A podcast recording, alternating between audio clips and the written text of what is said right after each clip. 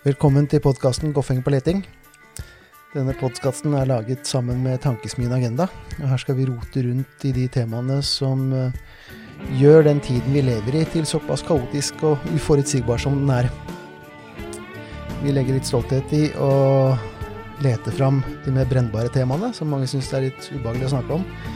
Ikke fordi vi har lyst til å være kontrære, fordi direkte kontrære tanker er ofte ikke så veldig interessante men fordi eh, samtalen må være åpen.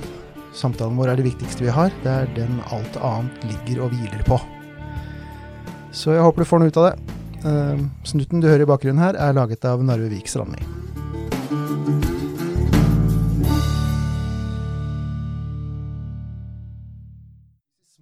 Med masterstudenter og sånn, det er gøy. Ja, det er veldig gøy. Men de svære fabrikkfaga, det, det er ikke noe Det er ikke noe underholdning. Der var den. Og eneren. Hører du nå, eller? Ikke den ene nei. Nå? Ja, nå hører jeg. Perfekt. Da er du på nummer to. Ja. Prater du inn igjen, så bare Ja, Sitter litt nærmere, ja. Så det var veldig behagelig lyd det de er ikke en sånn uh, knyttneve mellom dem, sier jeg. Det var behagelig lyd på de her. Ja, det er kanskje det. Jeg har egentlig ikke tenkt noe særlig over det. Men jo, det stemmer nok, det. Jeg liker å ha litt mye, da. Blir litt fokusert. Saken er at uh, man lager en del lyder som man vanligvis ikke tenker over. Sånn. Sånne. Ja. Uh, når du har på deg disse her, så merker du dem veldig godt. Så du liksom strammer deg litt opp. Ja, ja. Så jeg hører det på en del gjester at det er en del som lyder de første ti minuttene. Og så legger jeg merke til det sjøl, tror jeg. det er litt gøy. Ok. Um, ja, jeg har bare satt på rekken her, jeg. Ja. Um, så det blir litt brå start i dag, for eh, unge, lovende Goffeng han har notert seg en time feil. Så vi må bare stupe inn i opptaket. Uten noe særlig forhåndsprat, egentlig. Men vi vet jo hva jeg skal prate om. Jeg har Jørgen Jenshaugen her i dag. Kan ikke du bare presentere deg sjøl litt? Grann, Uh, hva du skrev doktorgraden din på, hvor du jobber nå og sånn? Ja. hva- Jeg er det som kalles en seniorforsker på fredsforskningsinstituttet PRIO, eh, og er en historiker. Og så har jeg skrevet en doktorgrad på um, fredsprosessen under president Jimmy Carter. Mm. som egentlig var ganske unik, og det unike ved den er ofte glemt, nemlig at han var den første amerikanske presidenten som satte palestinerne i fokus. Eh, For tradisjonelt så har det vært sånn at man tenker på dette som den israelsk-arabiske konflikten fra amerikansk hold. Eh, Men han skjønte at palestinerne var liksom det kjernespørsmålet, eh, og prøvde å adressere det, og det, det kollapset, og så ble det til Camp David og den um, israelsk-egyptiske freden. Da. Så jeg prøvde å se på, på en måte, dette utgangspunktet hans, og hvorfor det feilet. Og så har jeg jobbet med Israel og Palestina siden, ja, siden tidlig 2000-tall, så det nærmer seg to tiår nå. Og du er selvfølgelig helt nøytral i den konflikten, sånn som alle kommentatorer på Israel- og Palestina-konflikten er. Ja, altså, jeg tenker Det er på en måte et begrep man veldig gjerne kan, kan diskutere. Da, ikke sant? Hva, hva er nøytralitet i et sånn synspunkt, eller en sånn konflikt? Jeg tenker på meg selv som, som en det prøver så godt jeg kan å være en objektiv analytiker, men man kommer jo ikke unna av at palestinerne er okkupert, og Israel er en okkupasjonsmakt. Eh, og Det betyr jo ikke at man ikke skal være kritisk mot eh, israelerne, nei, mot palestinerne, og det betyr ikke at man på en måte syns at alt Israel gjør er dumt, men, men det er på en måte det er viktig å ha det som en bunnlinje i den konflikten, tenker jeg. da. Um, og, og, og for meg så er det som jeg kan, jeg kan si flotte ting om Israel, jeg kan si stygge ting om palestinerne, alt det på å si analytisk, ikke sant. Men, men, men for meg så er det er en okkupasjonssituasjon, og det er, det er hovedfundamentet for hvordan jeg ser på konflikten. Mm. I det hele tatt, Nøytralitetsbegrepet det er et begrep jeg forstår mindre og mindre av Mm. jo eldre jeg blir. For det er, Jeg vet ikke om det er mulig å oppnå engang. Du sier at du underviser litt på Blindern av og til også. Det, jeg kjente at jeg fikk mer og mer respekt for undervisere som flagga sine politiske synspunkter i begynnelsen av en forelesningsrekke. Det er ganske mange av dem som sier at Eller påstår selv kanskje i hvert fall at de er nøytrale. da. Eh, Det er vel ikke folk på noe som helst, så jeg liker at folk flagger hvor de står hen eh, før de begynner å undervise. Jeg gjør alltid det, gjorde alltid det sjøl òg. Dette er mine meninger, så skal jeg prøve å være nøytral, bare vit det. Ja. Uh, Syns det er ålreit. Mm. Så veit man hvor folk står hen. Ja. Men vi skal snakke om utviklingen i Israel spesifikt i dag. For det skjer ting nå. Mm. Jeg la jo først ordentlig merke til det via amerikanske kommentatorer, som jeg så at det er flere av de gode, gamle Israel-vennene som sier at nå er det nok. Mm. Thomas Friedman blant annet, har skrevet noen saker i New York Times i siste som har vært ordentlig, ordentlig harde. Jeg tenkte jeg skulle bare lese et lite tekststykke her. Dette ja. er fra Moshe Ayan, tidligere forsvarsminister i Israel. Han skriver at reformene som Netanyahu nå, de viser the true intentions of a criminal defendant, ready to burn down the country and its values in order to escape the dock, who would have believed that less than 80 years after the Holocaust that befell our people, a criminal, messianic, fascist, and corrupt government would be established in Israel, whose goal is to rescue an accused criminal. Det er harde ord fra en tidligere forstatsminister. Ja, veldig. Eh, det er sånt du vanligvis hører fra aktivister langt pokkervold ute på den ene sida, liksom. Mm. Eh, kan du forklare hvorfor han hva han snakker om her? Hvorfor det er såpass ille? Ja, altså Det er jo ganske, det er alvorlig nå. Um, og jeg tenker at det som er fint, om vi kan ha en sånn diskusjon som, som fokuserer litt på hva som skjer utelukkende internt i Israel, mm. og hvordan det påvirker eller for, forholder seg til ting som skjer i forhold til okkupasjonen. Mm. Fordi det er på en måte to ikke helt atskilte sfærer som på en måte smitter inn i hverandre. Eh, og jeg tenker vi må, vi må, tenke på en del av det som skjer nå, som noe som skjer i dette smittefeltet, på et vis. Og med det så mener jeg at, at internt i Israel så er historisk sett, og, og selvidentifikasjonen til Israel, er at dette er et liberalt demokrati. Mm. Og Samtidig så er det en okkupasjonsmakt som okkuperer Vestbredden og Gaza og undertrykker palestinerne det er ikke nødvendigvis så til stede israelsk identitet. Det er ikke sånn vi er en eh, okkupasjonsmakt, men det har likevel vært et sånn slags skille mellom demokratiske, liberale staten Israel og hva som skjer i det man kaller tidvis de administrerte områdene eller de okkuperte områdene. Eh, og dette har vært til en viss grad parallelle systemer. Samtidig så har jo bosettingsmengden økt, sånn at andelen israelere som lever under israelsk lov, men i de okkuperte territoriene, den har økt. Og Det betyr at disse to områdene blir liksom De smitter inn i hverandre. Um, og det som, det som, litt skjer nå, er at det som på en måte har vært de illiberale karaktertrekkene ved okkupasjonsmakten i Israel, de blir mer og mer til stede også i eh, hvordan Israel styres, hvis vi kan si det. Om, om hvordan denne eh, nyvalgte regjeringen eh, innfører lover og opponerer mot, mot eh, det juridiske system, eh, har en sånn tydelig rasistisk eh, agenda, eh, er tydelig homofob, altså ministre, liksom, kriminelle ministre eh, osv. Det er på en måte det er liksom de stygge sidene ved okkupasjonen plutselig blir del av det israelske demokratiet også. Sånn at vi beveger oss inn i en sånn eh, illiberal demokrati innenfor statens grenser, samtidig som også okkupasjonen forverres. Sånn at det er en sånn der, De to systemene blir likere. Da. Og, og, en av forklaringene på det er Netanyahus veldig utsatte posisjon. Og det er at Likud, som er partiet han leder, han har på en måte blitt den sånn udiskutable lederen for Likud. Det er ingen som truer han innad i partiet. Men samtidig så er han etterforsket i tre kriminalsaker for ganske alvorlige eh, brudd. Altså bestikkelser, korrupsjon, eh, vridning av media for, i hans favør eh, osv. Og, så og ting tyder på at han er han er skyldig. Altså Det har ikke vært noen domsavsigelse ennå, men, men, ting tyder at han er eh, skyldig. Så han trenger en eller annen mekanisme for liksom, sånn get out of jail free card. ikke sant? Mm. Eh, og Samtidig så, så, er Netanyahu det man på engelsk kaller risk averse. altså Han vil unngå risikosituasjoner. Men det har oppstått en sånn situasjon i Israel hvor Israel er blitt så splitta internt at Litt grovt så kan vi si at det er en pro-Netanyahu-leir og en anti-Netanyahu-leir. Og så har ikke Netanyahu klart å få tilstrekkelig støttespillere som tilhører det vi kan kalle den, den liberale jødiske statens tradisjon. Eh, så han har på en måte prøvd å finne støttespillere til å lage en tilstrekkelig stor koalisjon til å holde ham ved makten, sånn at han kan slippe fengsel. Og det han nå har funnet, det er virkelig ytre høyre pluss eh, de ortodoks, jødisk-ortodokse partiene. Så det betyr at på, liksom, på verdispørsmål, på, på liksom, jødisk suverenitet som ideologi, på eh, okkupasjonen skal vare inn i evigheten, altså annekteringstype ideologi, på jødedommens funksjon i samfunnet, på alle disse feltene, så har Israel bare gått veldig langt til høyre fordi Netanyahu er avhengig av det. Mm. Ja, det er jo tyranni ute fører til tyranni hjemme, er jo en gammel læresetning mm. som ikke har noe med Israel å gjøre, men som ofte blir om kolonimakter og sånt noe. Og det ser ut som dette her blir en sånn bekreftelse på, på den tesen der, kanskje. Mm.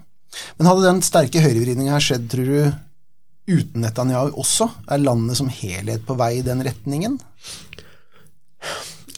Jeg tror det, der er ganske meningsmålinger litt delt, i den forstand at når du spør en del folk på venstresida i Israel, så er det noen som sier at marginene er så små at det var bare uflaks at det vippa i den retningen. Ja.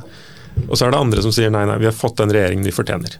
Dette er den veien Israel går, og det er trist, men sånn er det. Vi kan ikke på en måte late som vi er noe vi ikke er lenger.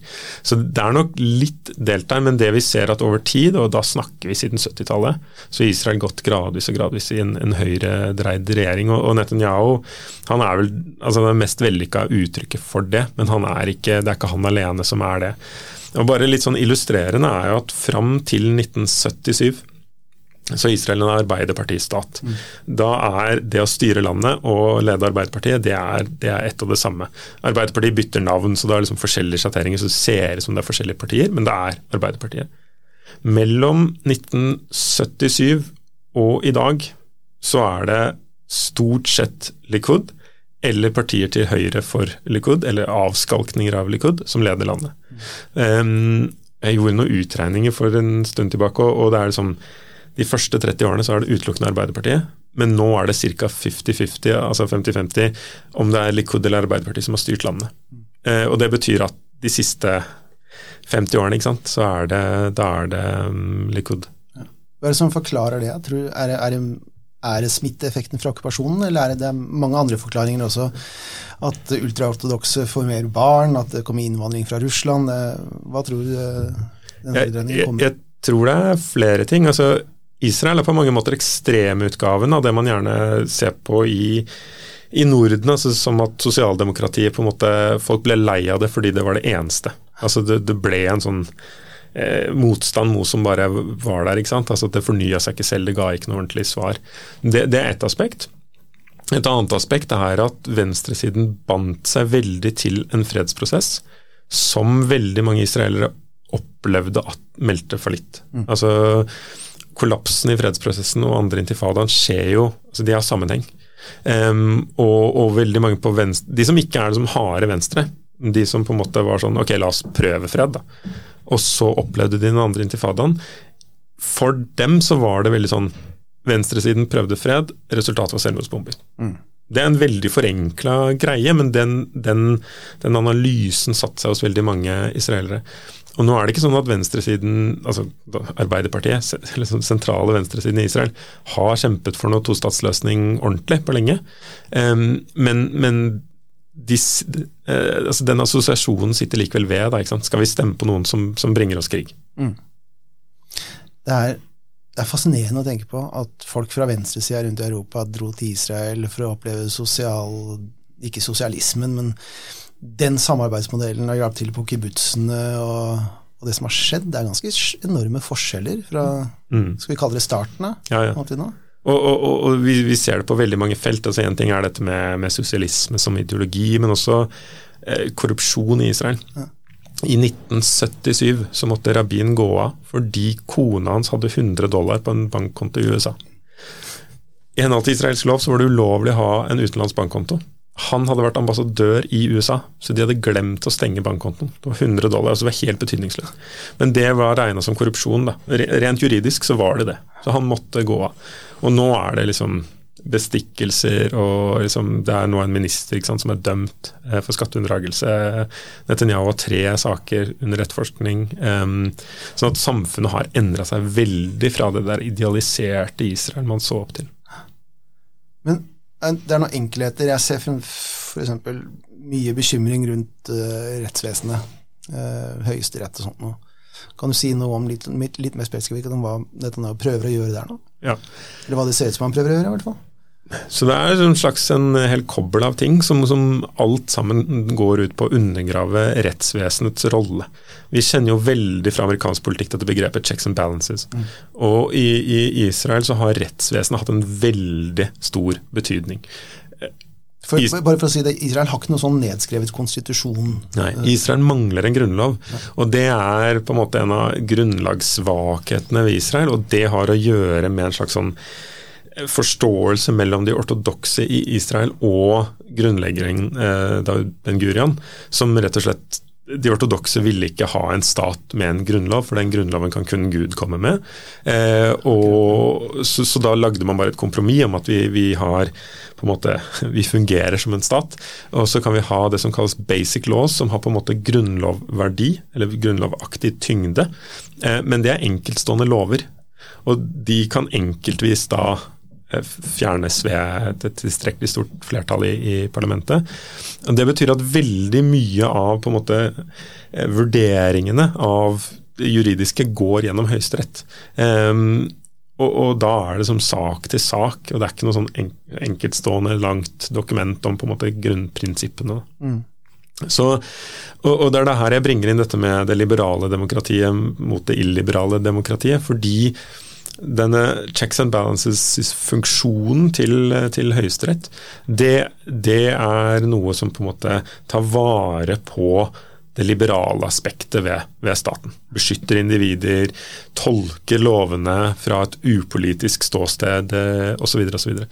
Men så er det jo sånn da at Netanyahu, etter en sånn typisk Donald Trump-modell, prøver å si at det er meg, som den folkevalgte, mot denne dype staten som tilhører venstresida og på en måte aktivistene og, og alt sånt som egentlig ikke eh, er folkets stemme, men som på en måte er venstresidas stemme som vil meg vondt, og mm. dermed dere, folket.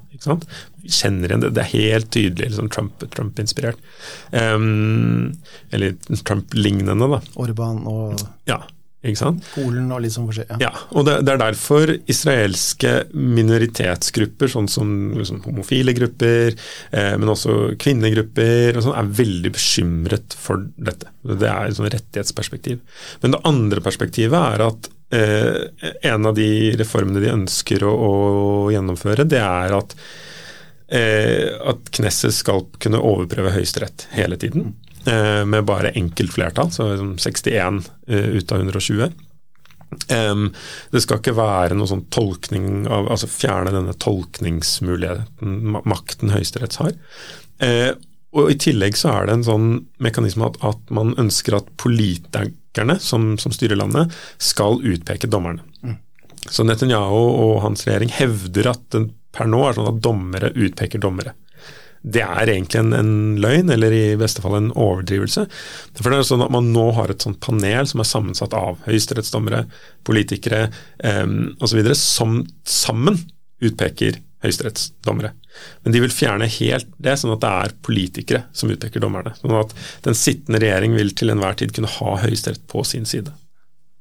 Det er en amerikansk modell, egentlig, det der. Bare at amerikanere har et, et, altså, ikke helt, da, for der er det jo en president som foreslår kandidater, og så er det andre institusjoner som godkjenner kandidaten, også, men, men, det ligner litt, da. Ja, det er, det er, litt av det samme, bort fra at i USA selvfølgelig så må jo også eller høyesterettsdommerne avgå med døden eller erklære seg selv som pensjonister. Ja, De sitter jo livet, livet, ut. Her vil det være sannsynligvis en sånn rullering. Ja, men, eh, men, men, det, gir jo, det gir jo samme type makt da, til at det er, det er, egentlig det sittende systemet som utpeker det juridiske systemet. Ja, det er riktig. Men dette blir veldig personlig på Netanyahu. Hvor, I hvor stor grad er dette politisk for å få makt, og for å slippe unna disse rettssakene, tror du? Eller er det mulig å skille på i det hele tatt? En uh, har et journalist som har skrevet en biografi om Netanyahu, og han sier at Netanyahu klarer seg ikke uten makt. Altså Det er politikk og makt det er det som får han til å stå opp om morgenen. Mm. Og han sier at det, er, liksom, det, har vært den verste tiden i hans liv, det å ikke være eh, eh, statsminister nå. Mm. Eh, han, han, må ha disse sikkerhetsbrifingene, han må liksom sitte der og, og være den som, som, leder landet. Det er en sånn av, avhengighet han har. Um, så, så, det er veldig mye som eh, tyder på at det er liksom, Netanyahu vil lede landet. Mm. Han skal være landsfaderen. og det er jo, Nå har han jo slått rekorden, den gamle rekorden til David Ben-Gurion til å være den lengstsittende statsministeren i Israel. Sånn at han er jo på mange måter synonymt med samtids-Israel. For å stille et spørsmål jeg stilte i stad på en litt annen måte. Han begynner å bli gammel nå. Mm. Hvor gammel er han nå? Jeg husker jeg ikke. Ja. Men uh, kroppen hans har litt kjørt seg litt gjennom stress og tjo og hei de siste åra. Ja. Hvis han dør av hjerteattakk i morgen, hvilken retning går Israel i da? Fortsetter denne vridningen, eller uh, normaliserer ting seg litt, tror du? Ah, det er et kontrafaktisk, ja, det et kontrafaktisk spørsmål jeg ikke har tenkt på i det hele tatt. Jeg har tenkt noe på det på palestinsk side, for der har du også en veldig gammelt eh, lederskap. Um, men jeg tipper at det blir sånn at da finner Likud en ny leder. Eh, det er ikke gitt at en alternativ leder vil samarbeide med Ben-Gvir og Smotrich på, på, samme måte, altså ytre, ytre høyre i Israel. Um, og Netanyahu har jo fått en veldig sånn kultaktig status som gjør at han har en hard kjerne av, av stemmere som stemmer på han.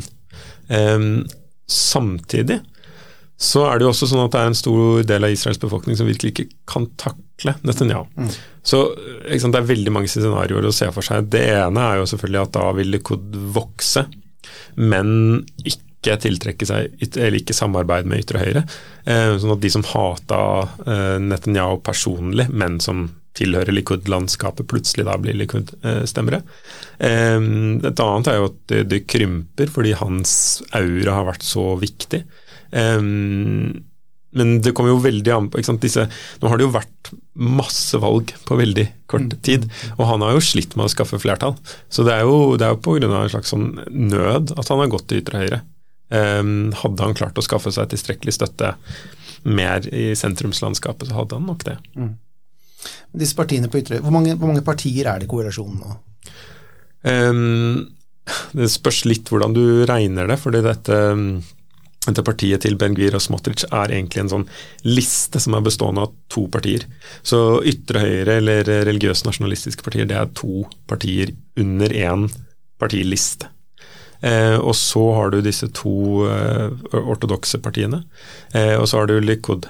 Um, mulig det er et parti til, men det er liksom de, de viktigste, da. Så, så ytre religiøse nasjonalistiske høyre, eh, ortodoks jødiske partiene og Likud. Kan du si noe om forskjellen på de to? Eh, ytre høyre Hvilke to? Ja, du, du, snakker om ortodoks jødiske og det, og det nasjonalistisk religiøse. Mm. Det høres, I hvert fall for en legmann så høres det kanskje ut som det samme. Ja. Så De ortodokse partiene, det er veldig sånn Veldig erkekonservative gammel jødisk tradisjon, altså bevare det jødiske eh, partier, som er på mange måter sånn særpartier for en spesifikk jødisk gruppe, så de ultraortodokse. Mm. De religiøse nasjonalistiske er en, en mye større gruppe og, og, mindre konservative. Det kommer an på liksom hva er spørsmålet man stiller. sånn at Det, det finnes jo religiøs-nasjonalistiske som på mange felt er på en måte det er businessfolk som vil ha det jødiske mer sentralt i staten. Eh, og det går helt til de mest radikale voldelige bosetterne. Det, det spennet er det religiøst nasjonalistiske. Og Smotrich og, Obvengvir representerer på en måte det verste aspektet ved det religiøst nasjonalistiske. Altså det, det homofobe, det rasistiske, det eh, ytterliggående bosetterbevegelsen, den, den voldelige, den, den antiliberale staten-aspektet. Eh, og de på en måte har klart å mobilisere også yngre velgere som ikke nødvendigvis kjøper hele pakka, mm. men som tidligere har stemt på folk som, som Bennett, som, som, representerte på en måte businessgruppa internt i, eh, i, blant de religiøs-nasjonalistiske.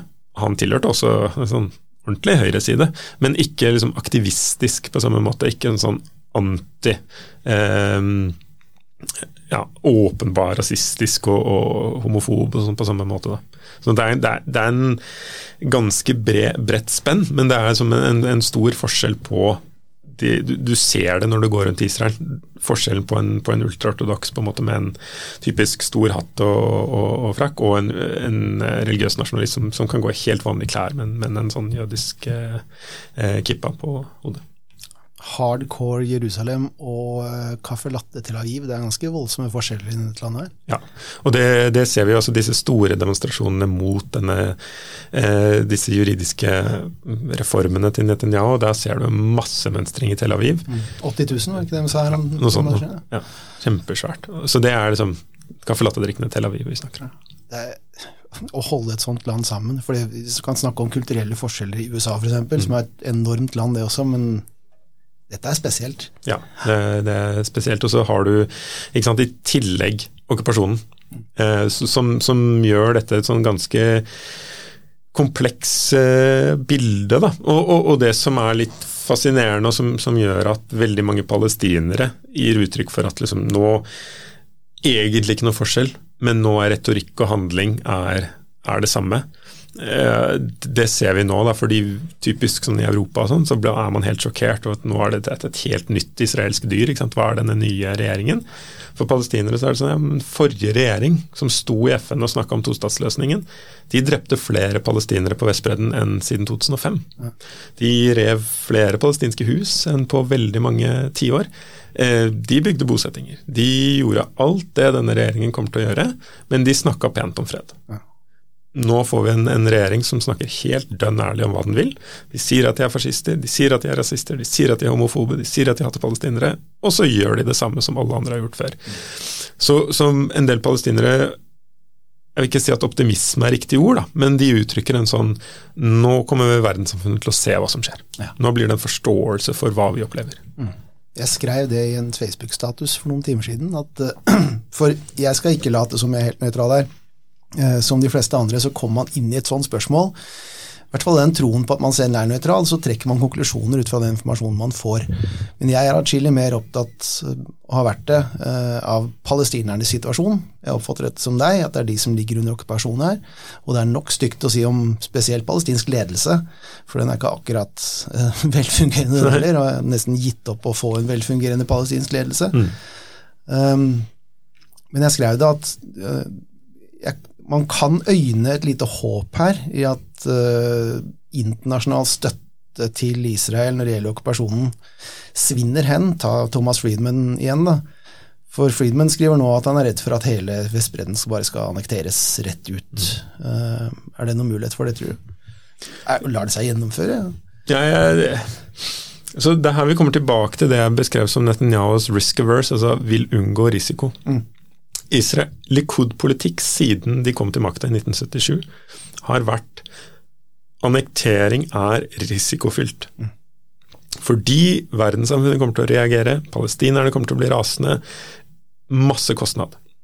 Vedvarende, evigvarende okkupasjon, hvor vi ikke erklærer annektering, men bygger og bygger og bygger, og later som det er annektert, men vi gjør ikke noe juridisk. Veldig mye lavere risiko. Mm. Samme, samme utfall for oss. Ja. Sakte, men langsomt bygge facts on the ground. Ja, Ja, vi får fordelene, vi slipper ulempene. Og dette er den store forskjellen mellom Likud når det gjelder okkupasjon, og Smotrich, Ben-Gvir, ytre, ytre religiøs-nasjonalistiske Høyre. For dem er symbolverdien av total suverenitet den er viktigere enn konsekvenskostnadene. Så de kan tenkes å presse veldig hardt på for annektering, og da kommer det an på risikokalkylen til Netanyahu. Tror han at han må annektere for å slippe fengsel? Da kan vi plutselig se annektering. Tenker han at jeg klarer å sno meg unna eh, begge deler, så tror jeg ikke vi får annektering. Eh, han vet hva det kan koste. Og så er jo spørsmålet har det noe å si, egentlig, hva det internasjonale samfunnet altså, og når vi, når, vi, når vi, sier det internasjonale samfunnet, så mener vi Vesten. Mm. Det gjør vi alltid. Ja. Altså, når Iran uh, henretter noen nå under bølgene som foregår der, og vi sier at det internasjonale samfunnet reagerer, så mener vi Vesten. I, i dette tilfellet så tror jeg faktisk at man også bør tenke Gulfstatene, de arabiske gulfstatene. For der har det vært en bevegelse på normalisering. Noen land faktisk. Eh, andre land, sånn som Saudi-Arabia, implisitt aksept for normalisering. annektering vil nok der være en rød linje, og vil gjøre at hele dette samarbeidet med Gulfstatene-prosjektet kollapser. Sånn at, men, men, generelt så mener vi i Vesten, da. Men i dette tilfellet så har det også en direkte konsekvens i nabolagene. Men har, altså, mange har sagt mye om det nye samarbeidet mellom Israel og flere av de statene der, men de har jo alltid vært i totta på hverandre. Vil det ha noe særlig å si om de kommer i totta på hverandre igjen, liksom? Har, har, har, de noen effekt? Altså for, for, på meg så har det ofte virka som andre araberstater har brukt Palestina politisk, men egentlig gitt litt blanke. Så jeg, jeg, tenker, jeg er helt, helt, helt, enig i det. Men det jeg tenker er at her, dette er en av Netanyahus store prosjekt, er å integrere Israel i store penger Midtøsten. Ja, altså, ja. Syria, Libanon, Jordan er ikke så viktig. Eh, Egypt har en fred med Jordan, har en fred med allerede. Men, men Gulfen, hvor det er masse penger, eh, det er fine handelssteder og, og masse våpensalg og kjøp og, og eh, olje og veldig mange fordeler som man kunne tenke seg å, å, å ta del i. Mm. Eh, og, og, det kan tenkes å kollapse helt med en annektering. Mm. Hva med Vesten, da? Altså jeg tenker på argumentasjonen man ofte hører. Eh, hvis man snakker om eh, Israels oppførsel overfor Palestina, så blir man alltid møtt med ja, men dette er det eneste stabile, eneste liberale demokratiet. Det er det eneste stedet homoseksuelle kan dra i Midtøsten for å ha det bra. Den retorikken der blir litt vanskeligere å oppholde nå, hvis dette prosjektet til Netanyahu lykkes. Absolutt. Absolutt. Og, og noe annet som blir tydeligere da, er, er argumentet for at dette er uh, tilsvarende apartheid. Hvis, hvis, lovsystemet blir ett og det samme, men to befolkningsgrupper behandles helt forskjellig. Altså, I praksis så er det jo sånn i dag, mm. men man sier nei, men Vestbredden er ikke Israel. Det bor israelere der som lever under israelsk lov, men det er ikke Israel. Så det er to forskjellige systemer. Mens hvis det er annektert, da er det ett og det samme systemet. To forskjellige lovsystemer innad i det systemet for to folkegrupper. Og da er det åpenbart at da, da går det ikke an å snu seg, sno seg unna apartheid-argumentet lenger. Jeg, jeg har egentlig alltid vært usikker på hva annektering egentlig betyr. Sånn kan Israel bare erklære at nå er Vestbredden eh, Israel? Nå er det annektert? Hva er egentlig de praktiske forskjellene? Hva er de lovlige forskjellene? Det der har jeg alltid vært uklare på. Ja, de har jo annektert Golanhøyden, og ja. de har annektert Øst-Jerusalem. Men hva vil det si når de annekterte Golanhøyden? Hva endra seg egentlig? At ikke bare befolkningen der altså For bosettere er jo israelske statsborgere som handles som israelere uansett hvor de bor. Mm. Ved en annektering så blir også territoriet juridisk sett del av Israel. Hvilket betyr at liksom, hele det israelske juridiske rammeverket blir likt. Eh, nå er det litt sånn at ja, så lenge du er en israelsk borger, så er du en israelsk lov. Men, men eh, det er et veldig komplisert sett av lover som foregår på Vestbredden. Det er på en måte palestinske selvstyremyndigheter, det er israelsk lov, det er sivillov hvis du er israeler, det er israelsk militærlov for handlinger som blir begått av, av andre enn israelere der. Det er liksom mm. det er sånn uh, mange nivåer av, av lovsystemer. Er det annektert, så er det, da er det tilsvarende. Da er det sånn at det er ikke noe skillelinje mellom geografi og, og befolkning. Mm. Og da kommer reaksjonene til å bli kraftige men jeg ser for meg at det er de retoriske reaksjonene som kommer til å bli kraftigere. Vil det ha noe å si hva vestlige ledere gjør og mener? Uh... Ja, altså det som, det som, jo er, tenker jeg, veldig vanskelig, er man, man har hatt en mekanisme for å prøve å insistere på tostatsløsningen lenge. Det er den såkalte differensieringspolitikken. Altså at man skal ha ett sett med, med, med, lover for handel med produkter produsert i Israel, og ett sett med lover for produkter produsert på de okkuperte territoriene. Mm. Og Den mekanismen fins i teorien. Det fins en sikkerhetsrådsresolusjon på det, det fins EU-reglement på det. Den praktiseres knapt. Altså, Den praktiseres her og der. For Vinmonopolet i, i Norge så får du kjøpt uh, vin produsert i den okkuperte Golanhøyden Eh, israelsk annekterte Golanhøyden.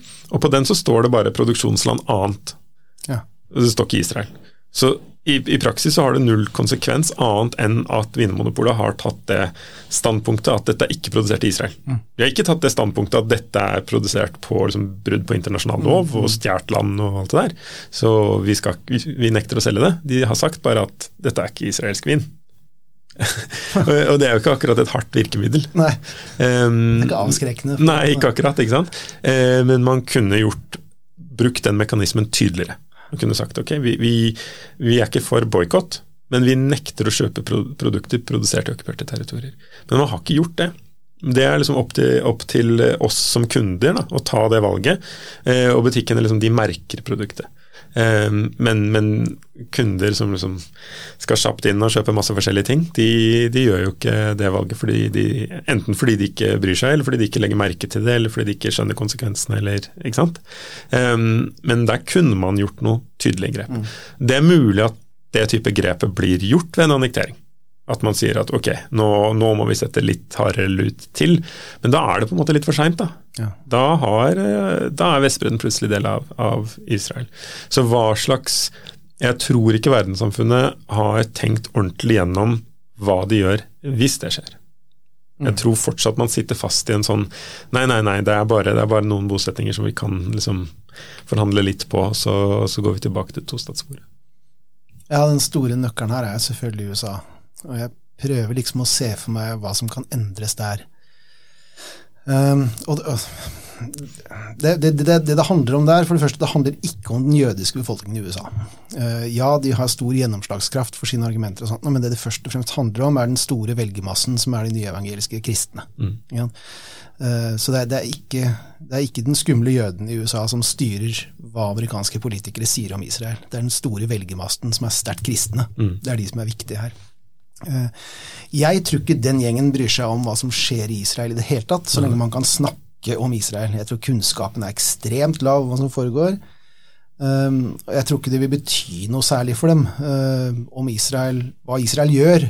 Short of folkemord, liksom. Det er, det er grenser, selvfølgelig.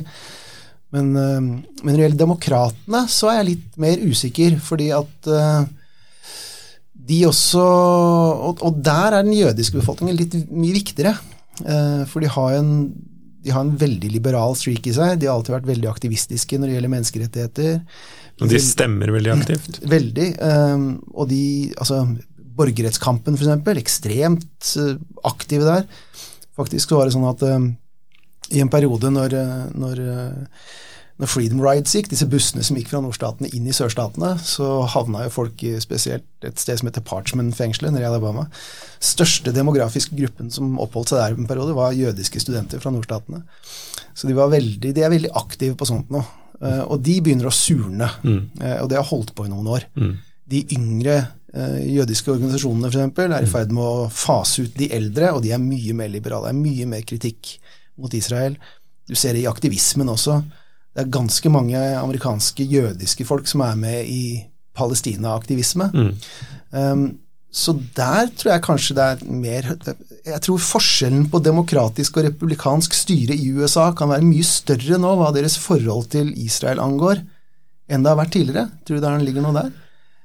Jeg tror du har rett i mesteparten av det du beskriver, men jeg er nok ikke like optimist på konklusjonen jeg ville trukket. og, og Grunnen til det er at jeg tror at det er blant um, det vi kan tenke på som venstrefløyen i Det demokratiske partiet, støtter palestinerne, eller i hvert fall kritisk til, til uh, mye ved Israel.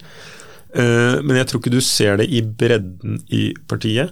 Og den maktkampen internt i partiet, der tenker jeg at ja, for noen er dette en sånn viktig kampsak, men for veldig mange andre så faller det tilstrekkelig lavt ned på agendaen. Da er det sånn eh, helsetjeneste og kansellering av studielån og, og, og, og, sånne sosiale velferdsgoder som er de kampene de virkelig er villige til å ta. Altså venstresiden i partiet. Det er der fronten er for dem.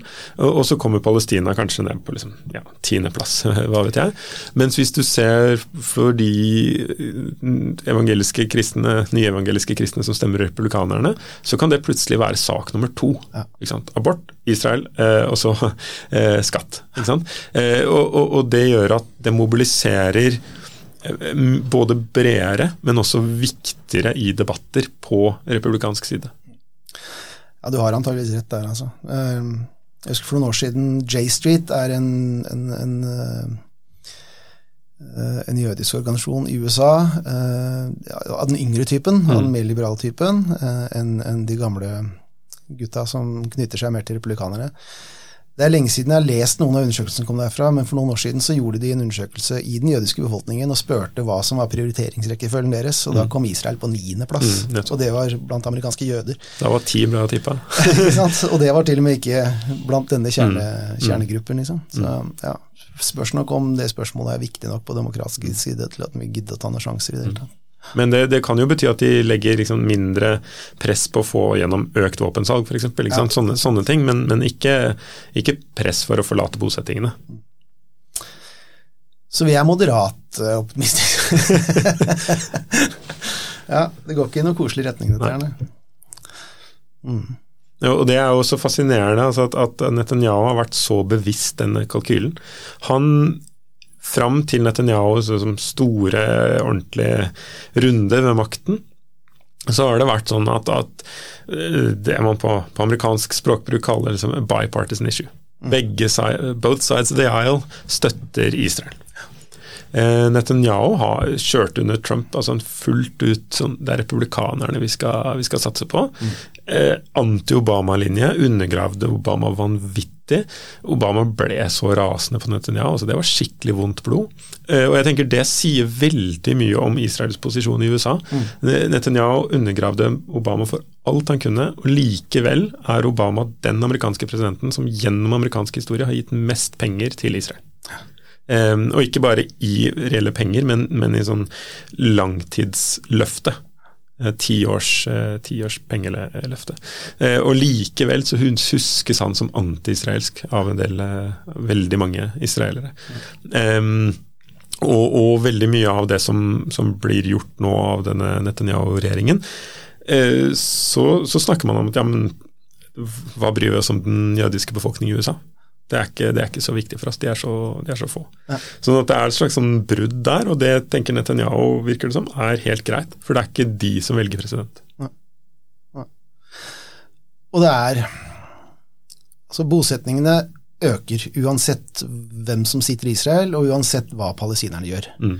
Hva, uansett hva slags styre de har, uansett hva slags aksjonsform som skjer akkurat nå, mm. om det er terror eller om det er ikke-voldsbølger altså øk, økningen i bosettingene fortsetter jevnt og trutt hele tiden. Mm. Og selv om vi ser for oss at vi en eller annen gang skulle få et kompetent palestinsk styre av noe som helst slag, det er vel ikke noe de kan gjøre med dette her på noe som helst vis, på en måte. Nei, sliter med å se for meg det. Det ruller og går. Mm. Ja. Nå, det, nå, nærmer det seg omtrent 700 000. Ja. Da Oslo-avtalen ble signert, så var det um, Bo Bosettere, bosettere på hvert område. Ja. Eh, da var det omtrent 250 000, 230 000. Så det har eh, tredobla seg omtrent siden Oslo-avtalen ble signert. Eh, og det, Hver eneste individuell bosetter er jo ikke i seg selv et kjempeproblem, men det er når det blir disse store store mengdene at, at tostatsløsningen blir vanskeligere og vanskeligere og vanskeligere å se for seg. Og, og 700 000 mennesker, det er ikke det er ikke noen du kan på en måte flytte eller bytte land med eller eh, kjøpe ut eller ikke sant? Det er så mange at, at eh, hvis man reiser rundt på Vestbredden og ser størrelsesorden um, For én ting er liksom husene i seg selv, men de krever egne veier, de krever infrastruktur, de krever vann, strøm, um, sikkerhetstiltak, alt dette. Og det gjør at Verdensbanken Eh? Som jo ikke akkurat er en venstreorientert eh, tenketank, eh, har estimert at, at infrastrukturen til bosettingene og sikkerhetstiltakene gjør at 50% av Vestbredden er tilgjengelig for palestinere. Ja, for det er jo sikra veier, ofte med svære barrierer ved siden og sånt, og som mm. krysser og tverser. Mm. Skjærer opp uh, uh. Ja, nei, det, for øvrig klart, klart brudd på fjerde Fjerde Genévekonvensjon, er det vel? Ja, det er ikke lov for en okkupantmakt å flytte sin befolkning inn på okkupert område. Ja. Uh, som jeg ikke vet om noen restlig instans som er uenig i, at dette bruddet bare foregår og foregår og foregår, ja. uten at det skjer noe. Ja. Så jeg, mm. jeg, beskriver på en måte denne situasjonen her som en ingenløsningslimbo. Altså at man står gjennom, midt imellom en slags sånn alle vil ha tostatsløsning, mm. og ingen vil ha enstatsløsning. Men der vi er nå, så er ingen av de på en måte egentlig eh, mulige. Det er veldig få som kjemper for en enstatsløsning. Eh, det er veldig urealistisk med en tostatsløsning. Som å stå midt imellom på en måte et resultat man ikke ønsker, et resultat man veldig mange ønsker, men man ikke klarer å oppnå, og så har man ikke noe svar for, for nåtiden. Mm. Mm. Herlige konklusjoner. Eh, fremtiden ser lys ut. Du en ti, hadde en time omtrent. Ja. Nå har vi sittet her i tre kvarter etter å ha starta noen få minutter for seint. Er, er, det noe du vil ha sagt her nå som jeg ikke har spurt om, som er viktig å få fram? Nei, nå, nå tenker jeg at vi har snakka veldig mye om, eh, om israelsk politikk. Og, og, det er jo Jeg tenker at det er også viktig å få fram at en av de historiene her, som er en israelsk eh, til en viss grad suksesshistorie, og en palestinsk total fiasko, det er palestinsk ledelse, mm. eller fravær av sådan. Ja. For Israel har egentlig helt siden starten sagt vi har ingen å snakke med. Um, og tidvis har det vært uh, riktig, og tidvis har det vært riktig fordi Israel har gjort det riktig.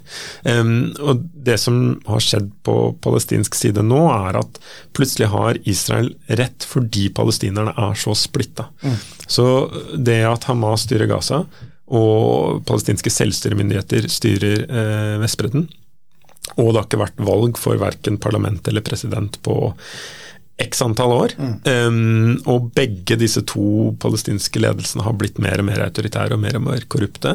Det gjør at Israel kan, kan slippe veldig billig unna. Mm. Hvor de kan si at ja, men vet du hva, vi, vi er kjempeinteressert i å snakke fred, vi, men med hvem? Hva er adressaten? Eh, og det er et kjempeproblem på palestinsk side. Så vi har vært, vært, innom det så vidt, men jeg tenker at det er, det er på en måte en sånn luksusposisjon Israel er i. Ja. De, kan, de kan skylde på palestinerne. At det er, det er ingen å snakke med. Eh, og, det, og det er det på en måte, Det unnskylder ikke at Israel ikke har snakket med dem tidligere eller gitt konsesjoner tidligere, men, men, nå på en måte slipper de unna det. For Vi ser ikke noe særlig potensial til bedring der, eller gjør vi det? Nei. Nei. Mm. Gaza er Hamas, Vestbredden er kaos, og sånn kommer det antakeligvis til å fortsette å være. Mm. Ja. Mm, happy days. Solen skinner, og alt blir bra.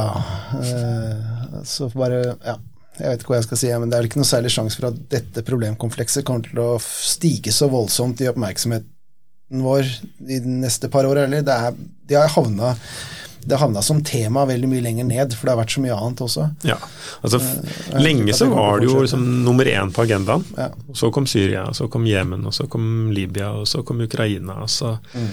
eh, kom korona. Og, så, ikke sant? og da er palestinerne og hele dette spørsmålet langt, langt nede. Det har steget en del på agendaen pga. Eh, den nåværende politiske situasjonen i Israel. Men, men, det er også en sånn forklaringsfaktor på at det internasjonale samfunnet, eh, kall det Vesten om man vil, mm. ikke gjør noe særlig. Fordi det er ikke tilstrekkelig interesse for å, å gå og inn og, og, ta grep. Ja, det får bli siste ord. Um, og så får vi bare følge utviklingen og se hva som skjer. Det um, blir like spennende som det har vært i veldig mange år allerede. Takk for at du dukka opp. Takk, Hyggelig å møtes igjen. Det er lenge siden. Takk. Vi snakkes igjen.